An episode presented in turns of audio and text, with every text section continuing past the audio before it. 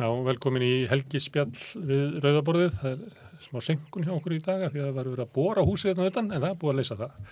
Um síðustu helgi þá laug uh, þáttaröð í, á ríkis hljóðverfinu um skeggja Áspjarnason og brot hans gegn börnum í lauganeskóla. Mjög merkilegi þættir og hvet alla þá sem ekki hafa lusta til þess að lusta á því að þeir eru bæðið um, um merkilegt mál og þeir eru líka gerðir á, á svolítið magnaðan hátt að, að maður fær insýn inn í, í ólík sjónarmið og svona meðan að frammyndan verður þessi holdt fyrir alla að, taka sér þetta ferðarlag. En kveikjana þessu þáttum er að öllum líkjendum eða má reykja til útgáfu bókar sem að kom út 2014 og verið eftir Björgu Guðrúnu Gísladóttur sem þetta hljóðin í nóttinni þar sem að, að fyrst koma fram upplýsingar um að skeggi hafi brotið gegn börnum og Björg Guðrún er kvinga komin, er velkomin. Takk. Og takk fyrir að koma. Hérna, kannski áður en að við ræðum um, um skeggja, þá langar við að ræða þessa bók, uh -huh. hljóðin í nóttinni, sem að er þín minningasaga, er um þína esku uh -huh. og hvað við segja, þitt hverfi og þinn svona bakgrunn.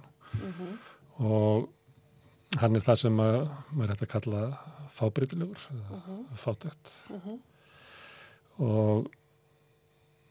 þó þú sett unga þá er þetta tími sem er svolítið langt liðin við erum stökt hérna í bólóldinu og þetta er svona skamt frá, þetta er eiginlega bara hérna rétt hjá.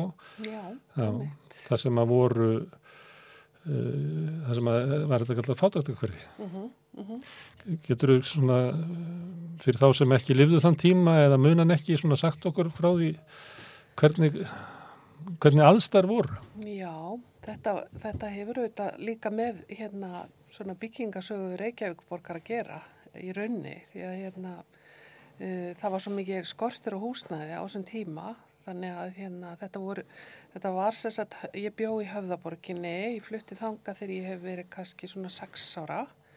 Ég þá hérna, skildi mamma mín við eh, pappa, mín, pappa minn og, og hún var ófrísk af sýsti minni hún eiginlega sagði sig á, á bæin eins og hún sagði. Sagði, sagði til, sagði til sveitar. Já, já. já, til sveitar en, já, allavega, bærin, já, eitthvað svo les og hérna og hún fekk húsnæði sagt, í höfðaborginni.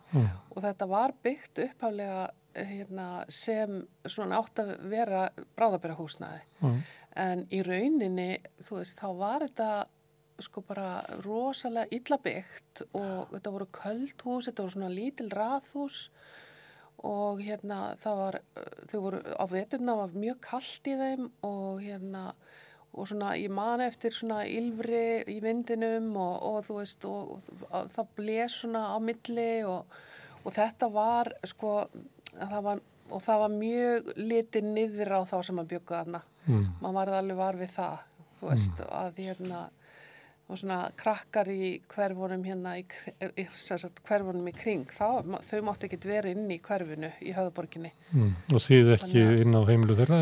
Mm, nei þegar þú spyrir ég, nei, ég held ekki. Ég man aldrei eftir að hafa farið inn á heimili hjá einhverjum öðrum fyrir utan höfðaborg þegar þú mm. segir það.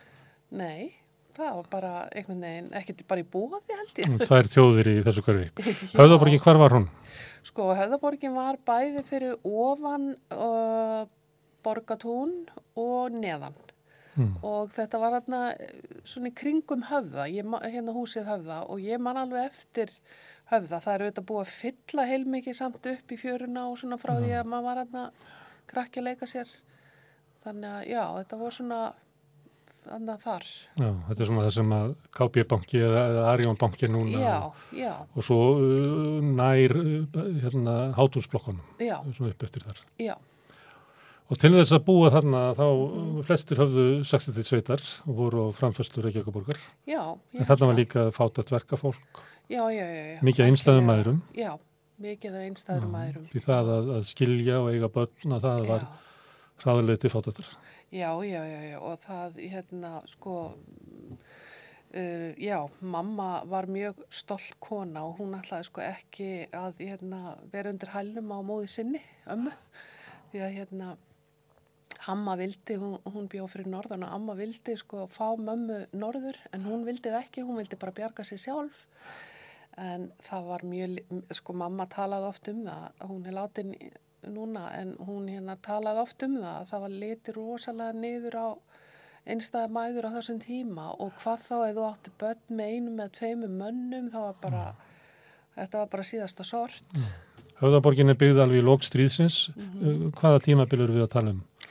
Sko, ég, ég er að tala um svona kannski, sko, ég fætt 56, Mm. uh, 62 Og tvö. og 2, eitthvað svo 86, les. Já, og svo les. Þá er ekki algengt að, að konur væri að skilja við Nei, ég held ekki. að kalla. Já, nei, Heldur sátuðu uppi með það. já, algjörlega, það var bara, já, Ég þekki það bara á minni sögu. Mamma skildi við sinn vonlösa kall 65 og það Já. var ekki algengt á.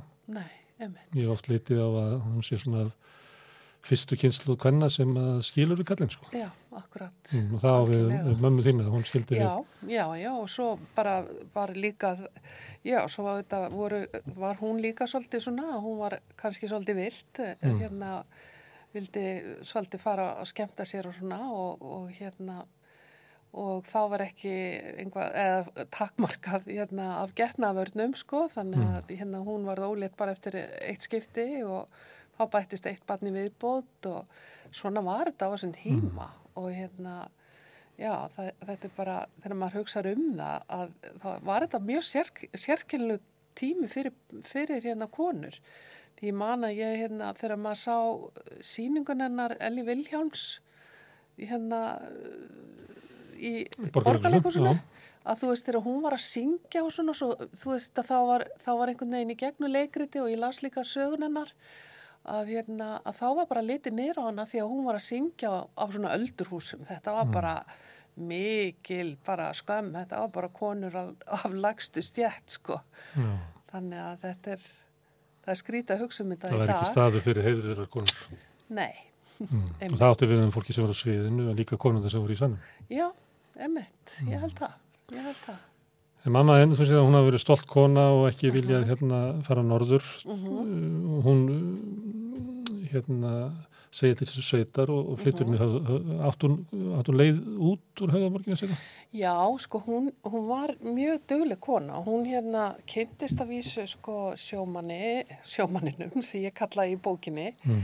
sem að, uh, sem sagt, þegar hún var búið skilið með blóðföð minn og hann uh, átti við alkoholisma að stríða og hérna, Sjómaðurinn. já, sjómaðurinn og hérna og lét öllum íllum látum þegar hann var drukkinn og það var mikið heimilisofbildi og, og drikja þegar hann var í landi um, Og flutt hann inn á ykkur í höfðamorginu. Já, hann flutti inn á okkur og þau giftust og hérna, svo fluttu við, við bjöggum kannski höfðaborginni fjögur, fjögur, þrjú, fjögur, fimm ár. Þá fluttu við á skúlagötuna, það var líka svona bæjarhúsnaði Mm. uh, og svo fluttu við í Sem er eiginlega skólagatan hann fyrir ofan hlem Já, sem það er var stór, svona, já, stóra blokkin Já. og hérna og þar byggum við þá til að ég var um, á 13. ári þá, bygg, þá fluttum við sem sagt upp í uh, Breiðholt, í næra Breiðholti og þá var keift sko, þá mamma stóði eiginlega fyrir því að kaupa íbúð hjá sem sagt uh, var það ekki framkvæmdar verkamannabústaðir, já, einmitt þannig að hérna, þá Framkvæmda við í rosalega stóra íbúð eitthvað, já, já, Það hétt eitthvað framkvæmda nefnd, það rétt. Já, einmitt. Þannig að hérna... Þá komist við inn í verkamannabústaðinu. Þannig að þetta er saga Þetta er eiginlega saga bygging- Reykjavíkur, svolítið já. Reykjavíkur líka, Já, sko. já.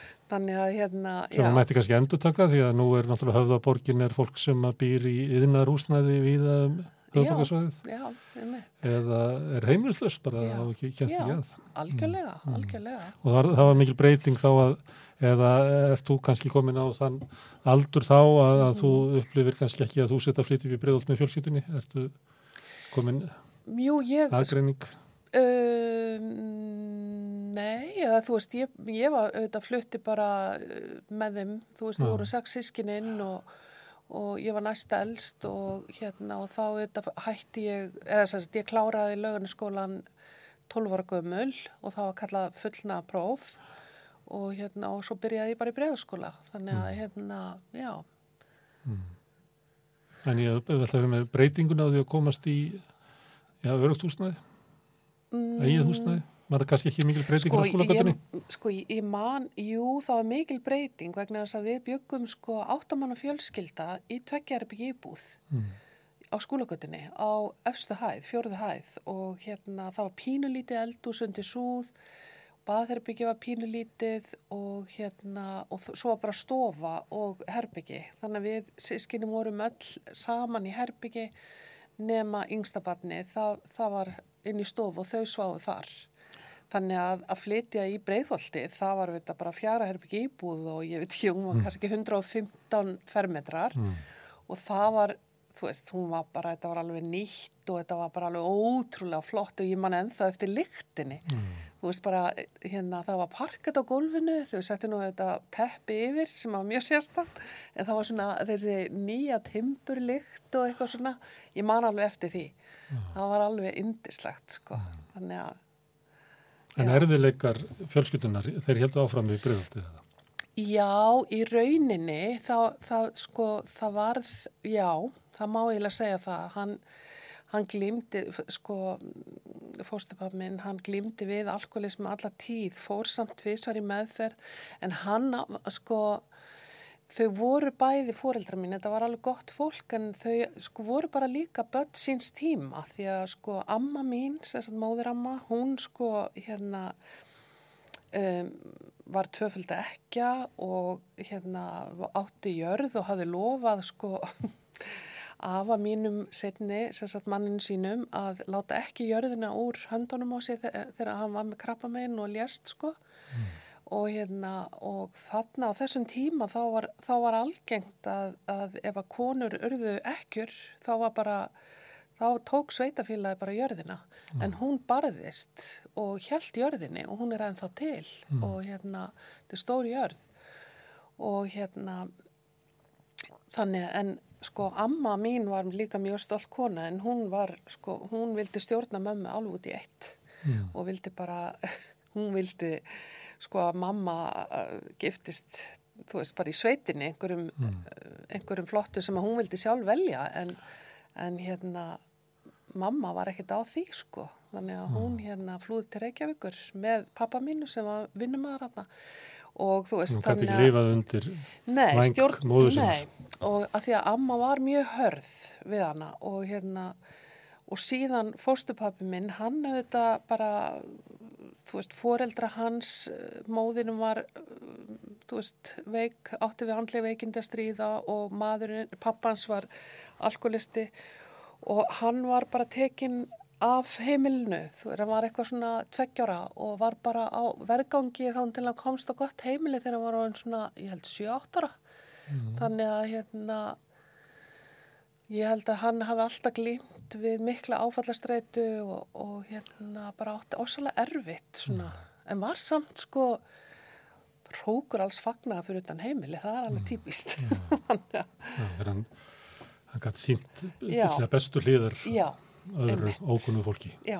en síndi sína verstu hliðar Já, heimans. þannig að þú veist og þetta, þetta bara kemur, uh, þú veist, það, það er að, þetta, og þú veist, og sambandið þeirra var líka þannig, þú veist, að það, þú veist, þegar það er svona sjúkt samband og þau voru svo hákvort öðru, þá þetta var bara, var þetta bara eins og dans. Þannig að þau, hérna, voru mjög upptekinn að hvort öðru, þú veist, svona af, afbrísimi og það var alltaf eitthvað svona augrun í gangi og, og þú veist, þannig að, hérna, já, Mm.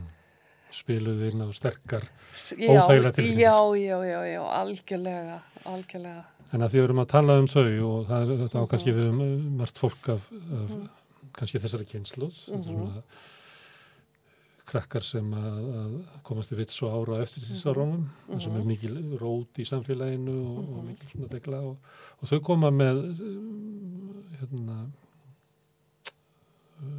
með mikil farangur úr æskunni, en hafa kannski ekki mikla svona nöðbenningu eða aðstóð út úr samfélaginu, ekki hann út af sínum sjúkdómi, Nei, nei, það var auðvitað ekki bara... móðin út af hennar stöðu. Nei, það var auðvitað bara, sko, þegar hann til dæmis fóstupappi minn eh, var illa, eða stundu þegar hann var, í- ég man alveg eftir, þegar hann var drukkinn að þá, þá hérna hljómaði oft svona fyrsta árin þeirra þú veist að hérna þá heyrði maður hann segja þú veist að það, það væri engin heilbröður kallmaður sem myndi taka að sér konu með þrjú börn. Og þú veist maður heyrði þetta alltaf og þetta bara krakki, maður skildi þetta ekki. Mm. þú veist það var eins og að maður er alltaf að segja þú veist að hún væri bara heppin og þetta bara hafa sér sko. Mm. en hérna hann er örgulega ekki fundið upp þessa setningu. Nei, potið ekki. Örgulega ábyrðið eitthvað satt þetta við hann líka. Já, já, algjörlega. Mm. þannig að, já, nei, það var ekkert sko það var þegar ég var unlingur að þá, það, það fannst mér eins og að mamma væri nú að gefast upp en hérna en það var bara líka viðþorfið þú veist, þetta bara hún var alin upp við það þú veist, það bara sína hörgu og, og þú ætti bara mæti þína vinnu og standa þína plikt og, og hérna, ég minna ef þú varst þunglind eða varst að stríða við eitthvað og alltaf er að fara til sálfræðings, þá varstu bara þá var bara að stimpla bara göðvik sko. Mm á þessum tíma, þetta var bara þannig. En var það ekki þannig líka að sko fjárhastlega staða hvenna á þessu tíma var þannig að móðin gataldri bara gengi frá manninum með börnum sko? Nei, hún gat það ekki. Það hefði verið, meina, hún hefði steifst sér og ykkur í algjörlega bóttus og höll. Algjörlega, já, já, já, já, það er bara, en við, ég og bróðum við vorum nú oft alveg að að segja við hana, þú veist, á þessum tíma sko þegar ég er svona 13-14 ára við getum farið að vinna og hjálpa henni og eitthvað svona þá leiðinni svolítið illa sko mm. en nei, það, ég held að þau hafi bara verið svo háðkvort öðru að þau bara, og auðvitað var eitthvað sem batt þau saman, ég veit ekki hvað það var mm. þau voru saman alveg þar, þar til lífi laug mm.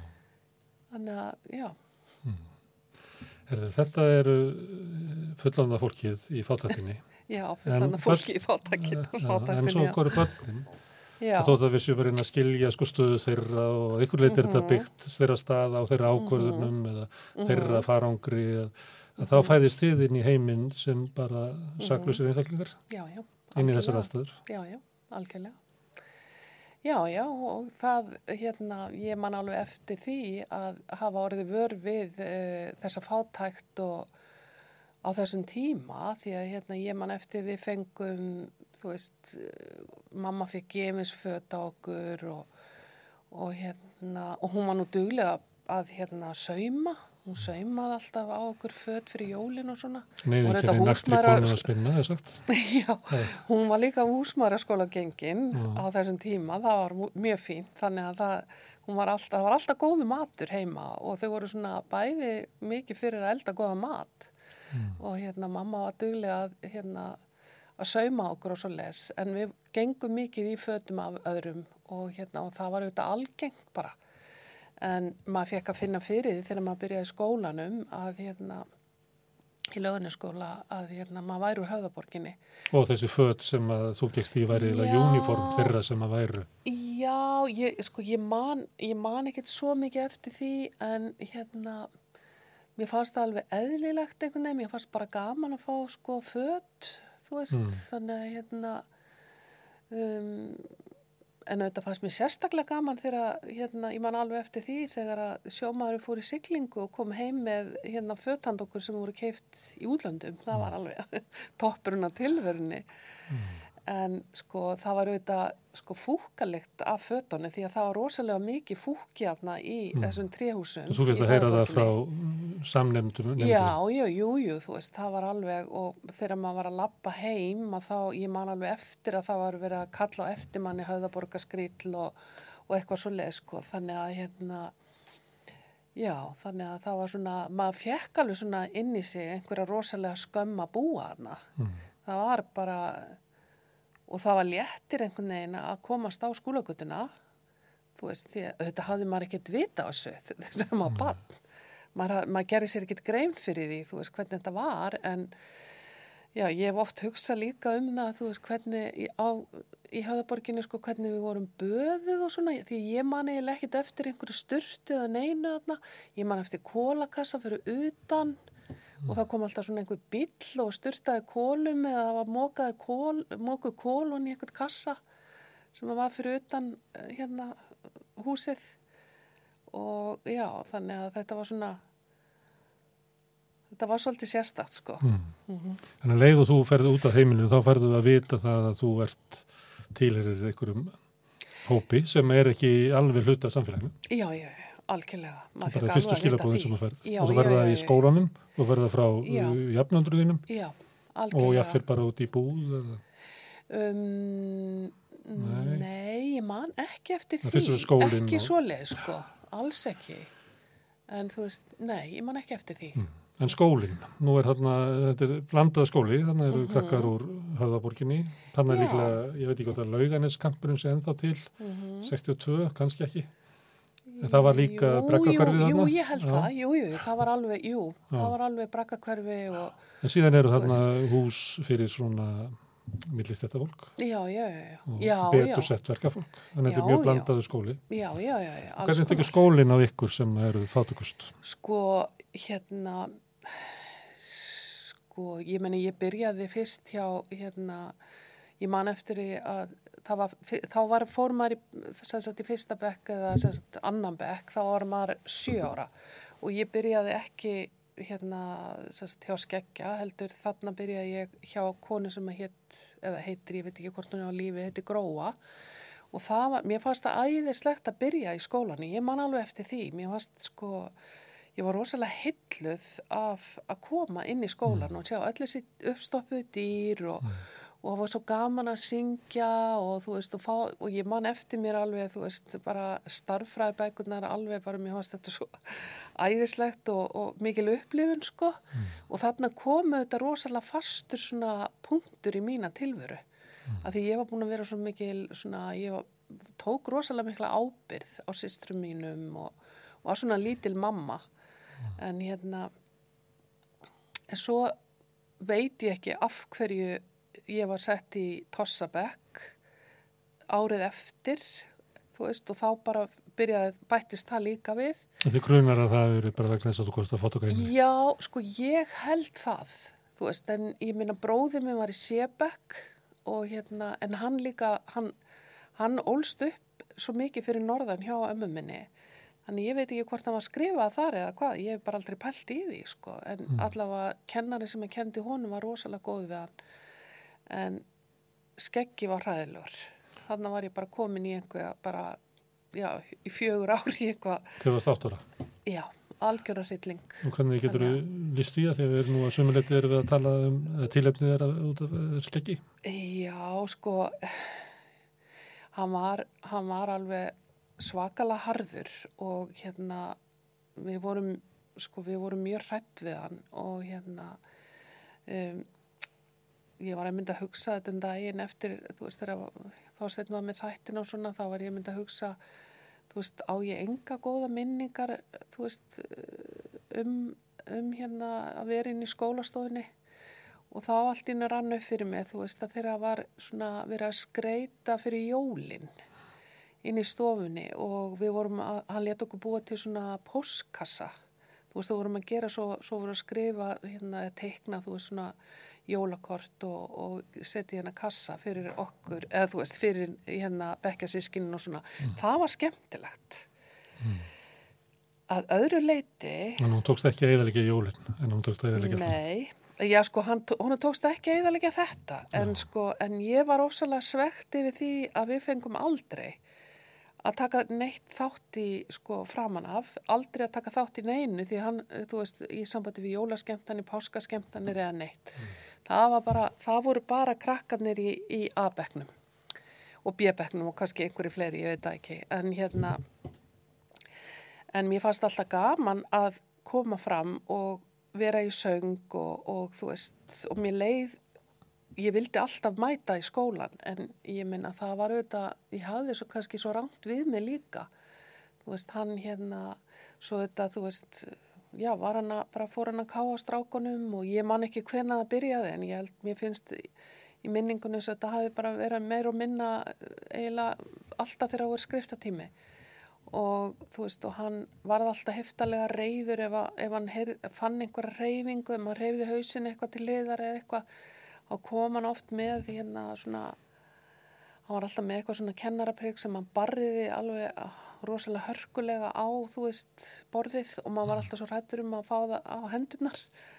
En ég fekk aldrei svo les en hérna þá var hann aftast í, í skólastofunni að aðdáta sig. Já, sko, ég, ég hef eiginlega, sko, hann var allavega ekki fyrir framann, meira svona, þú veist, hérna, já, þá, hann var ekki fyrir framann, þannig að ég, ég gerir mér ekki alveg grein fyrir því, sko, nákvæmlega og ég, hérna, í minningunni þá get ég ekki sagt heldur pinnponta hvort þetta voru allir strákanir í bekknum eða, eða einhverjir, þú veist, sem hann fastir, ég veit það sirkar ekki, út. já. En ég, hérna, hann niðurlaði mig einu sinni rosalega, hérna, fyrir framabekkin, ég var auðvitað oft stressu að koma það, hérna, í skólan kannski eftir læti heima og þá hafi löggan kannski komið og hérna, og eitt skipti þá einhvern veginn í að hann einhverju að einhverju svona yfir bekkin að ég væri nú ekki frá, þú veist, almennlega heimili eitthvað, ég man ekki hvernig hann orðaði það einu sinni, en ég bara, ég varð svo, ég varð svo reyð út í hann og bara, mér var svo misbóðið yfir honum, sko, að ég, þegar ég kom heim þennan dag, þá saði ég bara við Mammi, ég ætla aldrei aftur í hennar skóla, aldrei, ég ætla aldrei að fara í hérna aftur. Og bara neitt, fer neitt að fara í skólan og það var auðvitað enda með því að hérna, skólastjórinn hringdi heim og, og mamma fór með mig í skólan eftir einhverja daga og hérna og ég var látið sitja ein með og ég man ekki hvort það var Gunnar skólastjóri eða, eða Jón Freyr sem var þá yf- yfirkennari, ég var allavega svona 11 ára Mm.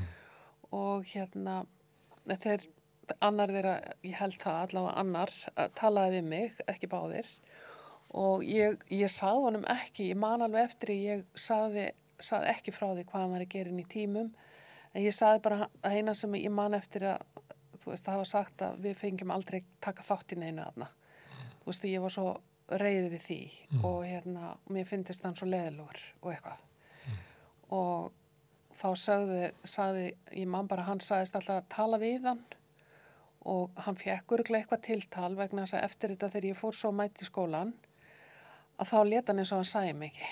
Bara í marga mánuð, hann var bara eins og ég væri bara ekki til, hann hundsaði mig gjörsanlega þannig að hérna, en svo þú veist, þegar ég útskrifast þannig 12 ára, þá fekk ég vellaun fyrir að vera hæst í bekknum og það var svona mjög mikið kapp alltaf í mér.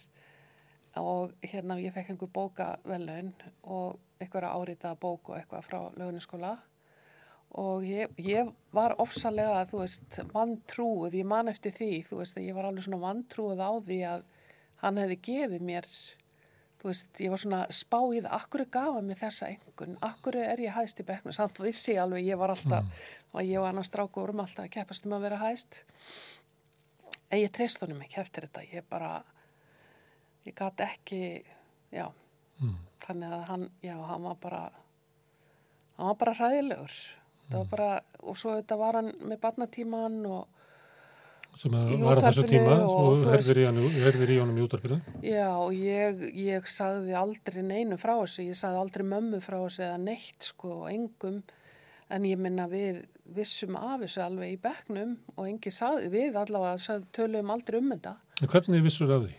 Ég Sástu sá þetta bara, já, já. Sástu bara? Ég sá hann bara, hann stóð svona fyrir aftan uh, kannski einhvern strák og það, hann var kannski að skrifa og svo bara renda niður buksnaklöfinni og, og hérna hendin á hann rann, eða þú veist, bara hvarfinn í buksnaklöfina og þú veist, og ég man alveg eftir að, þú veist, Bustaklefin á stráknum eða á sér?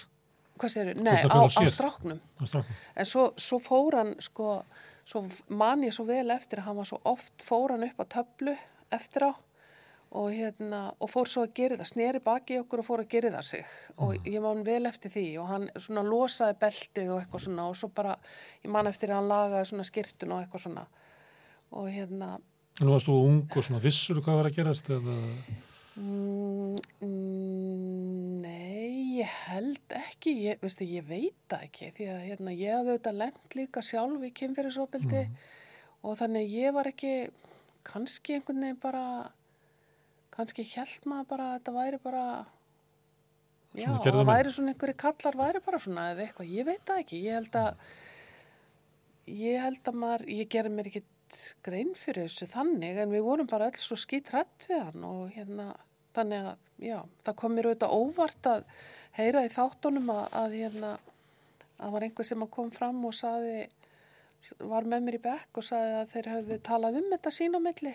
Það kom mér óvart en þegar ég var í þessari rannsóknarvinna og þegar ég byrjaði að skrifa bókina þá, þá hérna náði ég að tala, tali af einu sem var með mér í bekk, hann er látið núna og hann saði mér að hann hefði, þú veist, hann og annars strákur hefði farið heim til hans og lamið hann þegar þeir voru svona 14-15 ára.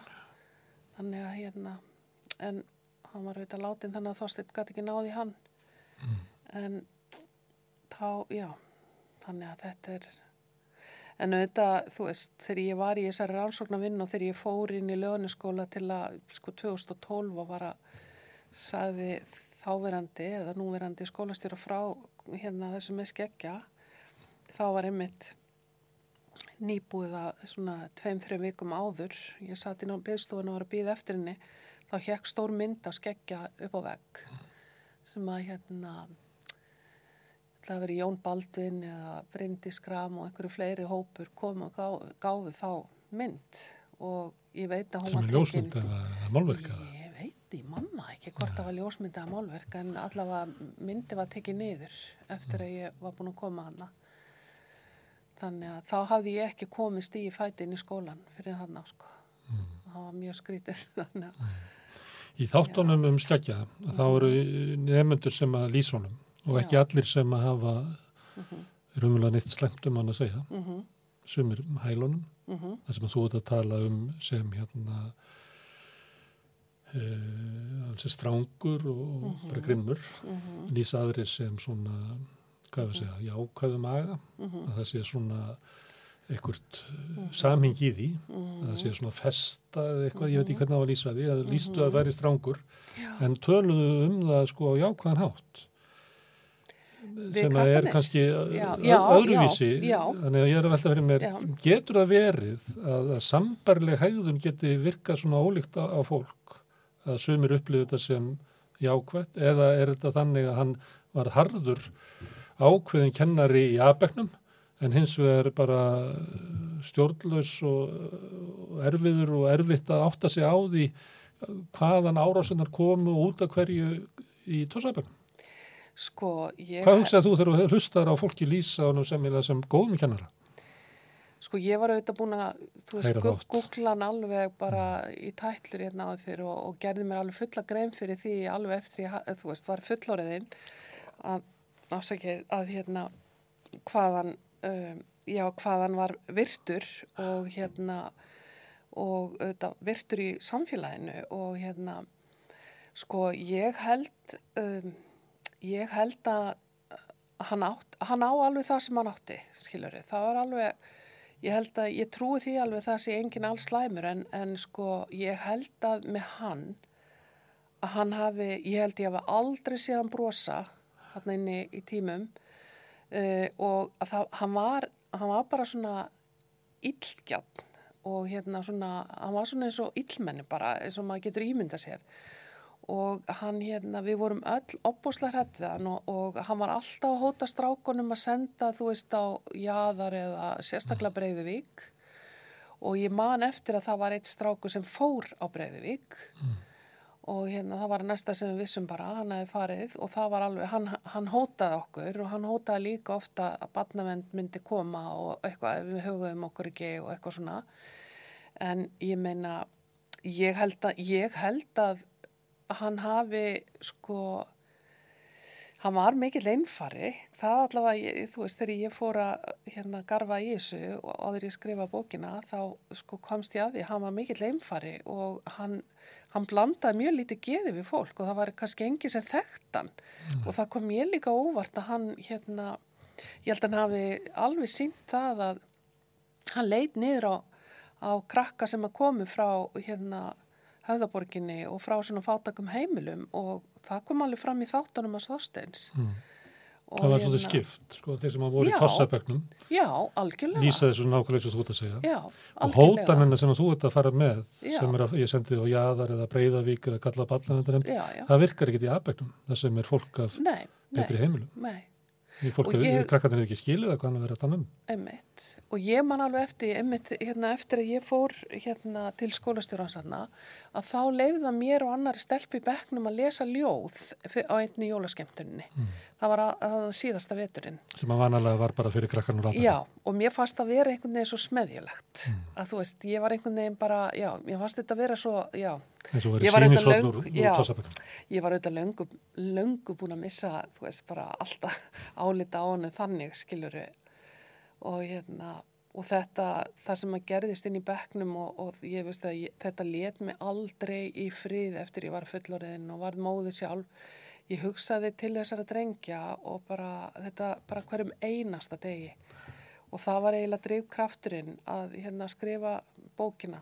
Þú veist að það var bara Mm. Að segja sögu drengina frekar heldur en þína sögu. Já og líka að, að bæði, Mm. segja mína sögu, gefa hérna börnum rödd sem að búa við heimilisofbildi og hérna erfiðar aðstæður og hérna og auðvitað líka bara, já, að gera sam, samfélagi svolítið meðvitað um hvað getur verið í gangi og þetta er auðvitað bara ekkert, þetta er auðvitað til í dag og þú veist, við þekkjum það alveg. En að þið átt búin að hugsa mikið um skekkja Mm mm áratugum saman. -hmm.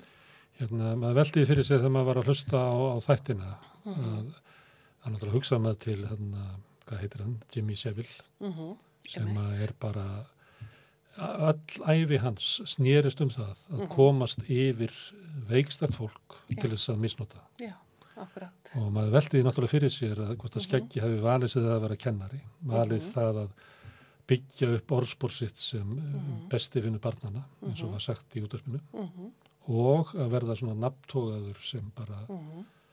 bara eða sá, sá ís, íslendingur sem að best kemur fram með börn Mm til þess að misnota Já, drengi. já, já, það er alveg, það er auðvitað alveg þekkt að þeir, það er, hérna, það er alveg þekkt að þeir sem að misnota börn, að þeir koma sér yfirleitt í þannig stöðu að þeir hafa aðganga börnum. En við þekkjum ekki mörg dæmi um svona, hvað hefur að segja, snildar vefnað. Sko, nei, kannski ekki, þú veist, hérna, ekki hérna á Íslandi, kannski, það er auðvitað, því að þetta virðist, eh, hérna, virðist hafa verið og gengið á í, sko, tíu ára. Mm. Sko, ég, hérna, með skeggja, ég, hérna, það kom mér á óvart að það hefði verið þann, sko, ég held að ég hef aldrei hugsað það að hann hefði verið að, þú veist, að, hérna, öll þessi ár, ég var einhvern veginn auðvitað bara sem batn og krakki þá var ég einhvern veginn bara alltaf að hugsa hvort þetta hefði verið bara því að við vorum tossabekkur og, og hann, hann leiði sér að koma fram við okkur þess vegna. Hann valdi það að vera bæði með aðbekkin og svo Já, tossabekkin. já, og hérna, og það, þú veist, en ég held, þú veist, það væri bara okkar, skilur, það er eins og krakkar hugsa. Mm. Þú veist, maður hérna, maður heldur, þú veist, að maður sér misnotaður að því að það er eitthvað, þú veist, að því maður er bara svona annars flokks eða eitthvað, þú veist, maður hugsa Það þegar að maður er bann, í. Það er, já, það er næst í mér að kenna, þú veist, að því að hérna, já, þannig að, en það, það kom mér verulega, eða þú veist, kom mér ekki kannski verulega óvart þegar ég, hérna, þegar það kom fram í útastáttunum, eða þannig að ég sér rannsókn að þá, já, þetta var, það er svolítið creepy, sko, virkilega. Og þetta er stórt mál. Það var Já. talað um það í vikunni. Það var Mhm. litla fréttir verið af þessum þáttum, sem Já. er mjög sérstakt, ég held að Mhm. í flestum löndum hefði þetta verið eitt af aðal fréttamar og 76 vikna. Það kom fram í núna í vikunni að Mhm. meðan annars var Katrin Jakobsdóttir spurð mhm, af því að þessar, hérna, hvað heitir það, sanginnispætur hafa heyrt undir hana Mhm. og vist heimina nefndin var þar undir fórstæðsándinu mhm, og þá var hún spurð og hún svona sætt óvíst hvort að væri tilumni til þess að rannsaka mhm. feril skeggja og leita Mhm. upp í hérna, hans fórnalöp. Hvað Mhm. finnst þér um það? Sko, mér finnst það eigi að fara fram rannsókn og ég auðvitað bara 2017 síðast þá talaði ég við Guðrún Ögmunds Mm. og ég auðvitað hérna las svarið hennar upp að það í síðasta þættinum. Jú, mér finnst það alveg tí, tvímala löst að því að hérna uh, mér finnst bara rosalega mikilvægt að taka þennan mann niður af stallinum ég, mm. bara, ég ætla bara að taka það stert til orða. Mér finnst hérna... Mikilvægt fyrir okkur sem samfélag. Já, mér finnst það sko, veist, það er ekki hægt að vera með þessa gerenda meðvirkni. Það er auðvitað búið að tala mikið um gerenda meðvirkni og hún er alveg skelvileg hérna. Það er einhvern veginn, veist, það væri svo, já, það bara, ég vildi, ég vildi bara orska þess að hann væri á lífi, þessi maður. Þannig að það væri hægt að, veist, gera eitthvað konfrontan með þetta og kæran og allt það en auðvitað finnst mér að, hérna, svona mál, þegar svona mál kom upp að þá verði að fara í rannsókn og, og hérna auðvitað líka þeir sem að lendi í honum. Veist, það, það er svo mikilvægt að hjálpa þessu fólki og það er auðvitað bara, fólk lærir auðvitað að lifa með þessu, þetta eru mörg ár sem eru liðin frá því að hann lést og frá því kannski margir sem að lendi í honum. En fólk, þú veist, hefur kannski ekkert sagt frá þessu Menn eftir að mín bók kom út að þá hérna hafði fólk alveg, það hafði fullt af mönnum samband við mig mm. og hérna þannig að... Og það komið fleiri fram núna í þáttunum heldur en að hafðu komið fram. Já, þá var, já, já einmitt. Þannig að... Það virtist hérna... verða að maður fikk það svona tilfinningur, ég veit ekki hvað það er, það þessi þættir að þau bara haldið áfram, það hafðu komið fram fleiri. Já, og hvað það er mikilvægt raunverulega að hafa umræðinu gangandi til þess að sé eitthvað rými fyrir fólk til þess að ganga inn í sko. Já, til þess að Já. segja svona sög. Þá verður við náttúrulega búa til Já.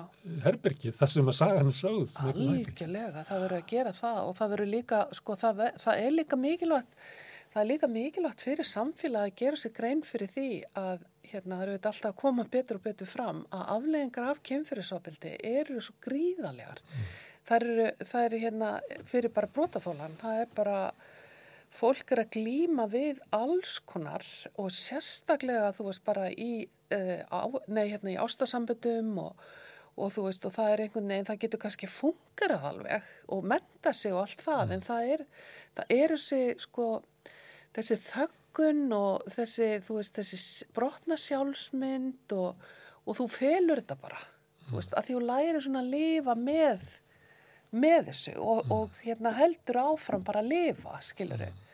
En ég held að... En hefur það kannski ekki aðgengi að kannski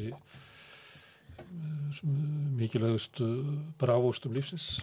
Já, já, þetta er, sko, og... þetta er lífskeiða skerðing. Það, það, er, það er klárlega þannig, það er lífskeiða skerðing. Þú, þú leiðir ekki að njóta þín eins og ert mm. og það er sorglagt. Mm. Ef má tala meira um þettina, þá er annar já. þráður í þáttunum sem er samtöl við þá sem að tengjast þinn stopnunum þar sem hann vann. Mm -hmm.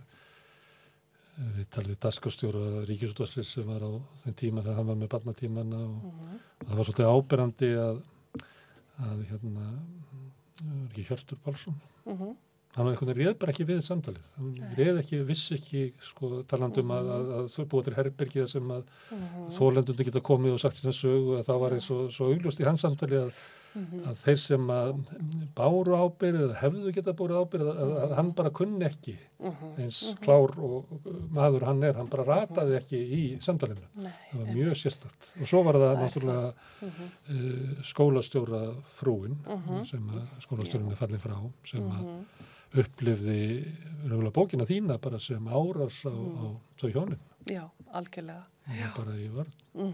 Hún var í mjög mikilvæg vörð og það er þetta bara það er hennar, skilur ég, eins og ég saði í útastættinu ég minna, ég trúi og treyst á mína upplifun og hérna já, og það mm. kom mjög stert fram í þáttunum og þú veist að það er eða þess að í rannsókninni að, að skólinn vissi þetta já.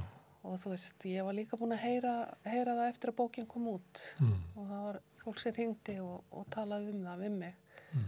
að hafa farið, að þú veist, einhverju hafi farið í skólan Já, það hérna, kom fram að, að stelpur hafðu skrifað breyf 66, já, það voru komið fram nokkra kvartanir sem er vitað um en það lík ekki mhm. fyrir sko skjölum það Nei, en það má ráða af sögunni að skólinn hafi vita eins og þú þetta. segja já, og þá komum kannski að svona öðrum hluta á bakvið ílmennið sem að skeggi er mm -hmm. og kalkuleraður í sínum brotum mm -hmm. að þá starfar hann inn í stopnunu sem að raunverulega venda hann en ekki mm -hmm. þá sem að brytja gegn. Já, akkurat. -hmm. Og hvað, hvað gerum við því? Það, hérna, það, það er eitt hluti af, af umræðin er Mhm. einhvern veginn ekki bara um gerandan, heldur Mhm. líka um umhverfið þar sem að gerandin fær að, að Mhm. fremja brotsin. Já, það, auðvitað, sko, það, það er auðvitað líka, þetta eru ósala flókin og viðkvæm mál.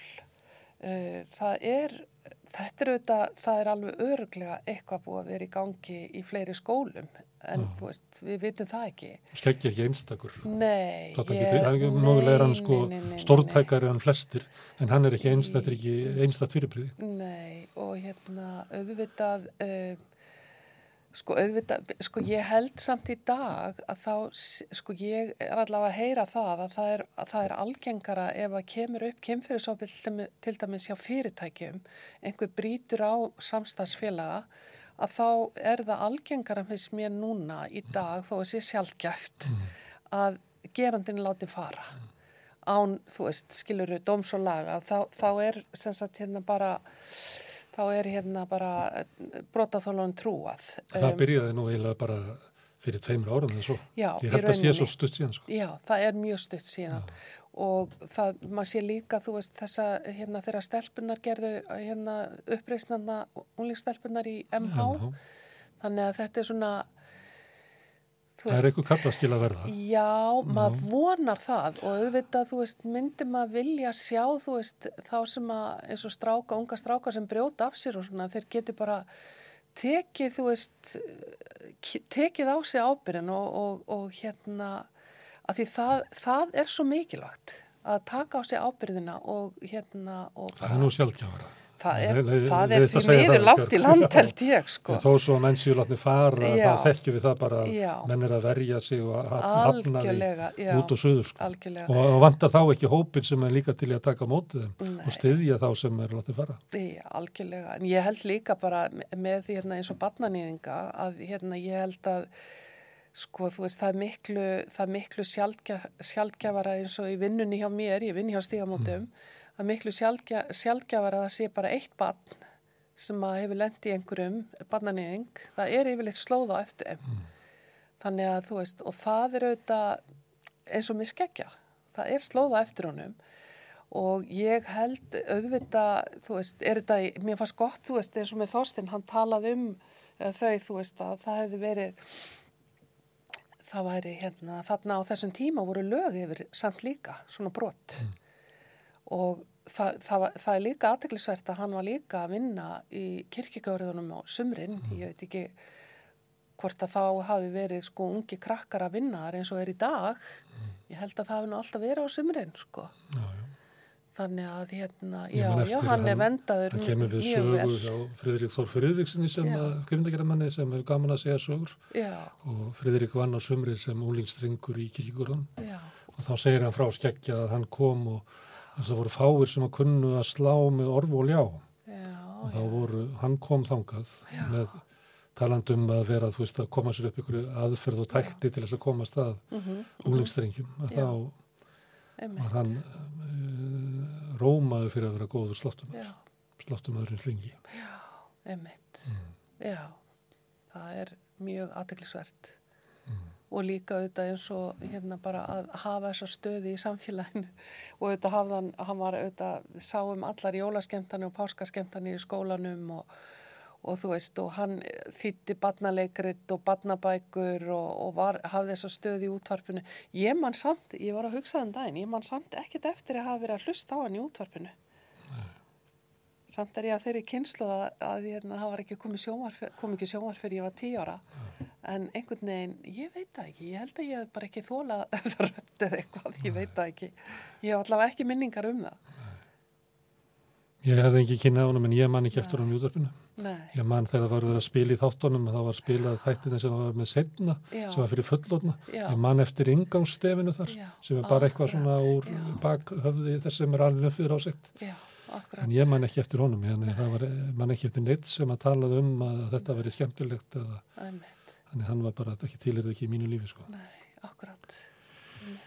Já, en varðandi það, nú segir þú að í þínu, þínu starfi og stígamótum að þá verði, eh, hérna, verði það að, að þeir sem er nýðast á börnum, að þeir eru með Mhm. langa slóð. Já, það er miklu algengar heldur en ekki. Hvert fara þau mál?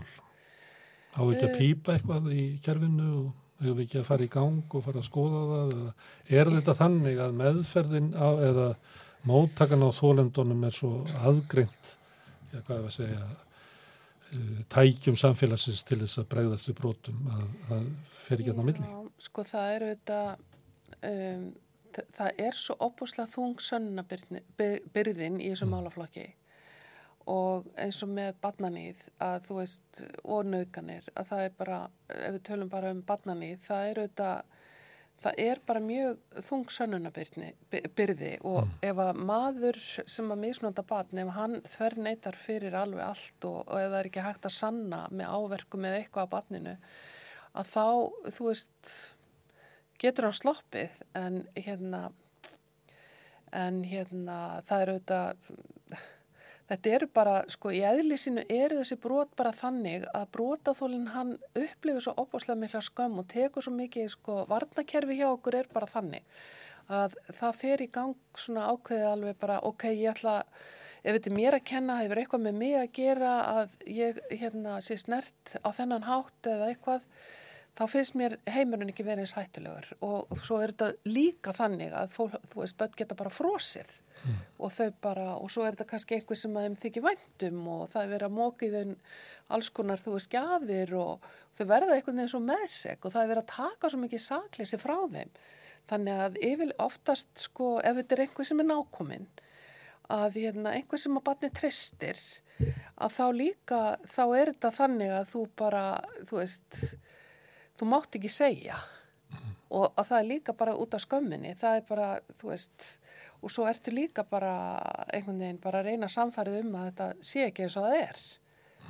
Þannig að þetta getur tekið, það getur tekið langa, langa tíma, mörg, mörg ár fyrir brotaþóla að stíga fram. Ég meina, þú veist, það hefur alveg komið konur til okkar sem eru bara á nýra þess aldrei og bara eitt skipti segja frá sínu og hafa aldrei sagt frá því og bara alltaf ekki með, það, með sér í gröfina.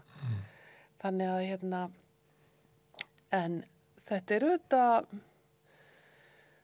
já, Þetta er alltaf flókin þetta mál. flókin mál, ég ætla ekki að byrja að leysa það núna. nei, Það var eitt að því að talaðum um að þetta hafi verið á tímum skeggja, þá var þetta líka refsivert.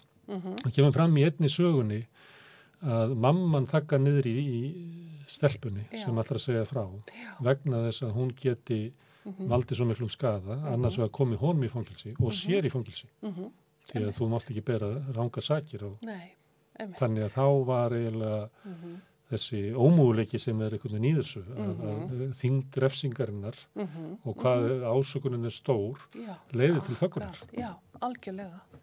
Það gerir það og það er hérna, og þetta er sérstaklega kannski að þessum tíma en hérna í dag eru þetta meiri upplýsingar um þetta og það er barnahús og, og hérna, það er kannski fyrir hérna, sagt, gripið inn í. Þannig að, og þetta vona maður að hérna, að þessum málum, æ, ásakið, búin að vera með svona pest. Það er haust. Já, og, já, maður vonar auðvitað bara að, þú veist, að það verði farið að taka harðar á þessum málum því að oftast hérna eins og samkvæmt okkar áskíslum að þá eru yfirleitt flest brot á börnum frá 11 til 17 ára, eitthvað svo les. Mm. Þau eru framin en fólk kemur ekki fyrir en það er orðið fullorðið og setna, þú veist, þannig að hérna og er, þá er kannski broti fint eða, þú veist, það er allur gangur á því. Þannig að, Heldur að það sé, nú virðist manni að það sé að breytast einhver liti varandi hérna, ofbeldi gegn konum, að það sé að yngjast. Þú nefndir áðan að heila uppristina í framhalskólanum, að það sé, svona, sé fyrr að bregðast við ákafar. mm, sko, ég held að ég held að MeToo-byltingarnar hafa gert það að verkum að, að stelpur stíga fyrr fram og hérna, þú veist, það er mikilvægt líka að, uh, þú veist, að við sjáum þetta, sjáum kynfyrirsofbeldi sem samfélagslegt vandamál, að þetta sé ekki bara eitthvað enga mál, brotaþólu og geranda. Vegna þess að þetta er ákveð viðþorf og hérna sem er verið að reyna að breyta um, það er auðvitað MeToo-byltingarnar hafa sett alveg heilmikið stríki reikningin á jákvæðan hátt gert þólundum auðveldra með að tjá sig. Já, en- já, og líka þú veist eins og þegar ég allavega geri það í mínu starfi og við reynum það mjög mikið, þetta stigamót eru pólitísk samtök og við reynum svolítið að hérna, tala út frá þessari hugmyndafræði að þetta sé samfélagslegt vandamál og að við þurfum öll að taka, veist, taka þátt í því að leysa upp svona framkomu. og hérna- verja fólk. Þú nefnir að það sé algengast að Já, það brot þarf að fræða fyrst og fremst þá sem ætla sér að- meiða aðra. Það eru auðvitað fyrst og fremst að, að hérna, beina augum að gerendum. Mm. Menn þetta hefur auðvitað breyst heilmikið alveg bara frá því hvað var maður að segja, kringum 2000 eða áður, þú veist, þeirra var hérna fyrir Veslunumannahelgina þá var alltaf verið að spurja, já, þú veist, hvað getur við sagt við stelpur og, og þú sem er að fara um Veslunumannahelginni í útilegu og, og eitthvað svona, þú veist, og það, það var bara, já, bara, bara skemmti ykkur. Við fórum að koma með það. Já. Skemmti ykkur en ekki, hérna, en, og strákar ekki nauka, þú veist. Þannig að, hérna, mm, auðvitað er þetta, hérna, þetta er svona hægt og rólega kannski pína að breytast en, en stígamótir er ennþá opinn og það eru 190 manns á bygglista hjá okkur. Og hérna það er alveg saman hvað við ráðum ekki hérna starfsfólk inn að það er alltaf brjálega að gera. Og það eru þetta bara líka margt í þessu þú veist, það eru þetta á klámi það er alls konar þú veist sem að er í dag sem að er þú veist ekki sem er ekki bara, já, hefur ekki góð áhrif á ung fólk. Herra, ég ætla að ná aftur í hana Björgu Guðrúnu. Já, Hérna, ráðgjafin fyrir heim. ráðgjafir, ráðgjafir. Þegar þú skrifar aðra bók, Já, þú sagðist að skrifa þessa bók, Hljóðin í nóttinni, um, uh, fyrir mm fátökböld sem að hérna, upplifa svipað og þú þurftur að upplifa og þeim sem er brotið gegn og fyrir drengina í, í hérna, lögninskóla. En svo skrifar við aðra bók, þar sem þú orðin svona eldri. Já, og var þetta skrifað fyrir þá sem að hafa verið misnotaðir sem börn? Um hvernig það hefur áhrif á lífin? Eða var þetta bara skrifað fyrir eh, Björgu Guðrúnu? sko, mm, ég held bæði og, þú veist, ég held að, sko, fólk var auðvitað rosalega forfitti hvað hefði orðið um Um þessa þessa stúlku. litlu björ- björgu sem að varð af stóru björgu. Og hérna, já, mér fannst einhvern veginn eins og, þú veist, uh, ég þyrti svona kannski að setja punktina eftir í, uh, já, klára söguna. klára söguna, hvernig sem maður orða. Og hérna, já, þetta er svona kannski, þetta kem ég líka, þú veist, inn á, heilmikið inn á það að hvernig maður kemur inn í fullorðansárin með brotna sjálfsmynd. Mm.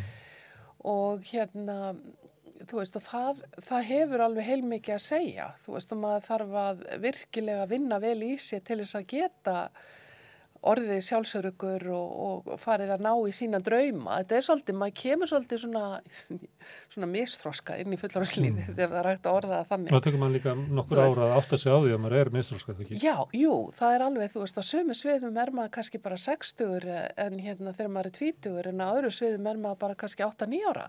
Þú veist, þannig að þetta kemur svolítið fram í, í samskiptum og svona, en hérna, þannig maður þarf svolítið að vinna svolítið vel í sér, þú veist, hjá sálfræðingum og, og hérna, og bara sem betur fer þá getur maður, þú veist, heila sig að, vila svo til öllu leiti, en auðvitað þarf maður alltaf að vera meðvitaður svolítið, þú veist, þetta er bara svona sjálfsvinn og sjálfskoðun, þú veist, að maður er svona, já, bara er alltaf með sjálfa sig svolítið svona í siktinu, þú veist, ef einhver fyrir taugarnar á mér, þú veist, þá þarf ég að skoða, já, býtu hvað, hvað, akkur, akkurju, hvað er að þér?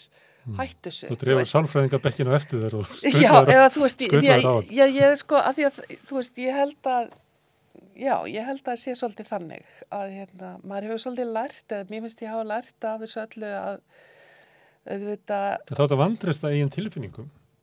Já, sko, Fyrst, ala, fyrstu viðbröðin sem að koma upp að þá kemur eldri Björg og segir já þetta er kannski ekki. sko, auðvitað bara alast upp við alkoholisma eitt og sér er bara, maður þróa með sér svo þvílíka meðvirkni að þú veist að þú bara, þú kemur, barni kemur kannski heim og, og mamma er grátandi yfir pottunum og, og, og ég spyr hvað er í gangi og hún segir það er ekki neitt að. Og þú veist, og voruð að rífast? Og hún hvæsir á mig nei þú veist, ég er alveg miði mín því ég get lesi bara andrúsloftið mm. skilur börn gera þetta sem að alast upp við svona aðstæður og þau læra í raunin ekkert að hugsun sjálfa sig að treysta sín minnri tilfinningum. Það er alltaf einhver annar sem segir alltaf og þú hlusta meira á þá heldur en sjálfa þig. Ofurlæs á, á Já, og kemur... bara þú skapa annars fólks og djúpt inn í herbygginu. Já, já, þú alveg bara við og sett orðin að miðli þegar þú Já. orðin fullorinn, þú veist, þú kemur inn í herbyggju, þú getur skannað bara, þú veist, þú þróa með þér einhvern hæfileika sem er mjög sérstakur, en hérna, það er auðvitað bara heilbri viðbröð við einhverjum óeðilegum aðstæðum. Og hérna, þannig að, þú veist, þetta er, en já, Þannig að það var broti gegn þér þegar þú var spann. Já, ég hérna sem sagt lendi í pappa mínum, hann var, uh, hann var barnaningur, hann er dáinn.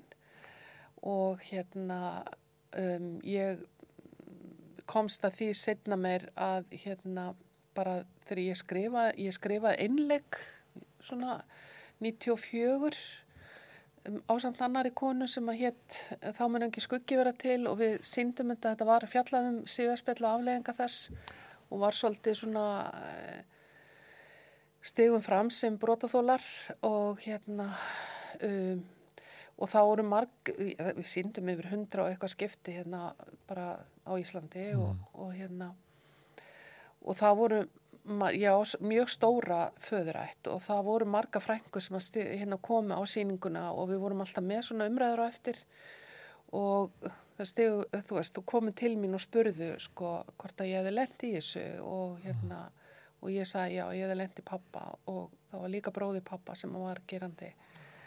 Og þá bara var alveg slóða eftir þeim, báðum, bræðrunum. Þannig að þú veist að ég held að ég hefði bara einlend í þessu lengi vel en hérna og það sýnir líka alveg þú veist, sýnir þetta í rauninni í nótskurn, hvernig hérna, hvernig þessi menn geta já, þú veist, komið fram því að hann, sko, pappi minn var þekktur fyrir að vera badgóður Mm. og allir fannst, öllum fannst hann svo góður og, og þú veist, hann var alltaf þessi sem var að leika við krakkana, alltaf að föndra og gera eitthvað svona skemmtilegt og, og hérna, já, hann var ofsalega hlýr og góð maður, en þessa hlið hérna hafði hann og hún var hræðileg, Mm. þannig að Og hluta því var að geta, hvað er að segja, svona sett sér niður á, á að vera á sama plani og bönnum til þess að geta tengstin. Já, já, algjörlega, algjörlega. Þú veist, það bara, já, já, þannig að þetta,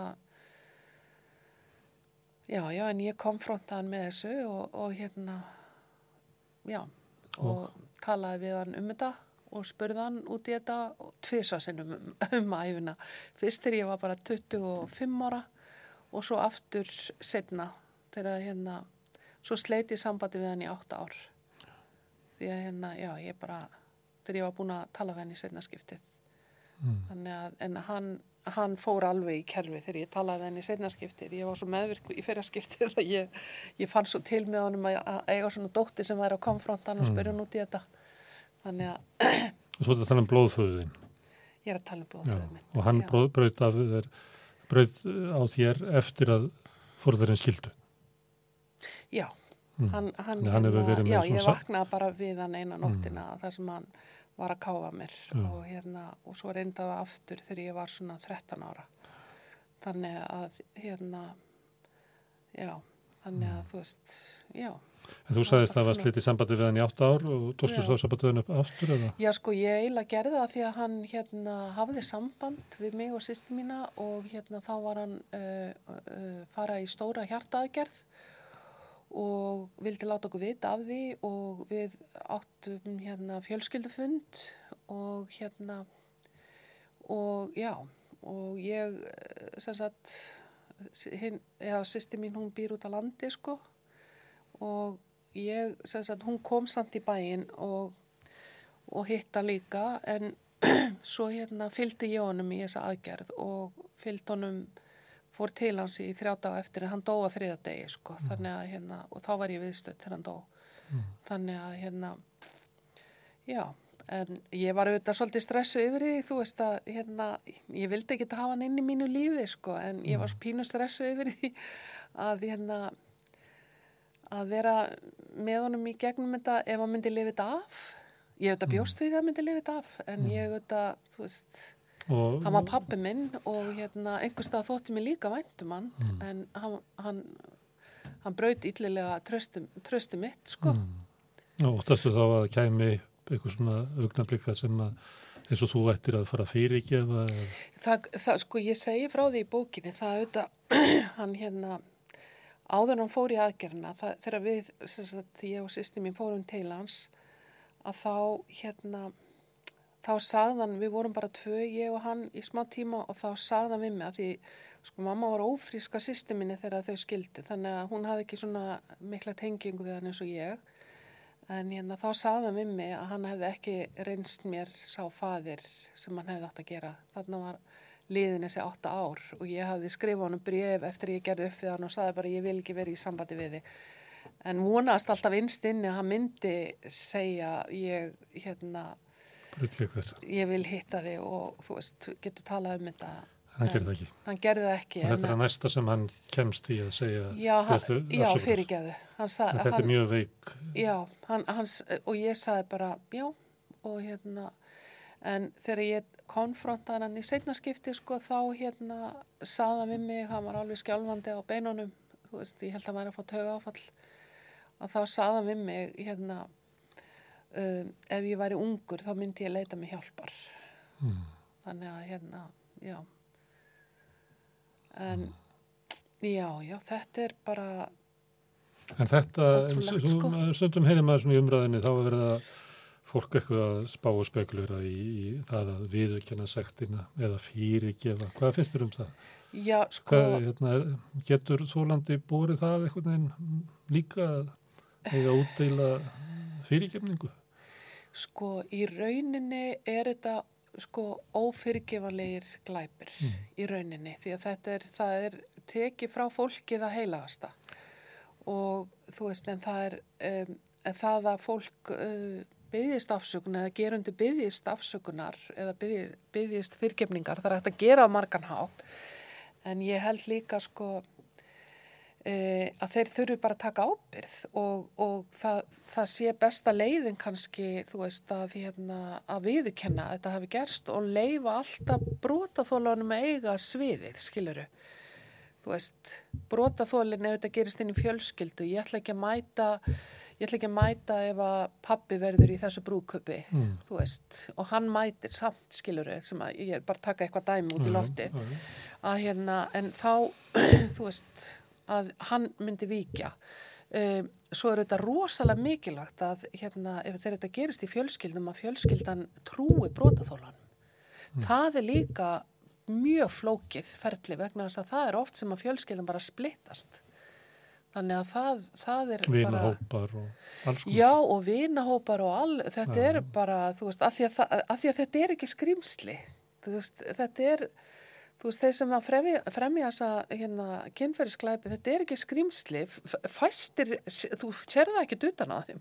eins og kom fram í, Þú svo við veist. vitnum í þættina um skeggja, að þegar Já. fólki kemur fram og, Já, og ber honum sko karakter já, enganir, já, að það er dæmi um það að hann Já. alltaf sömum þá byrtist hann ekki sem skýrumstil. algjörlega, ég minna að það er, Það er svo fólk að ég erfileikum með að sko sjá það fyrir sér að einhver sem að er mm einhver liti góður geti verið svona íllur. já, er ekki mannskepnan grimmasta skepnan á jörðinni, ég held það. Og hérna, auðvitað, þú veist, auðvitað er kannski þægilega að, hérna, að hugsa ef að maður gæti séð það á fólki, skiluru, að það sé vond.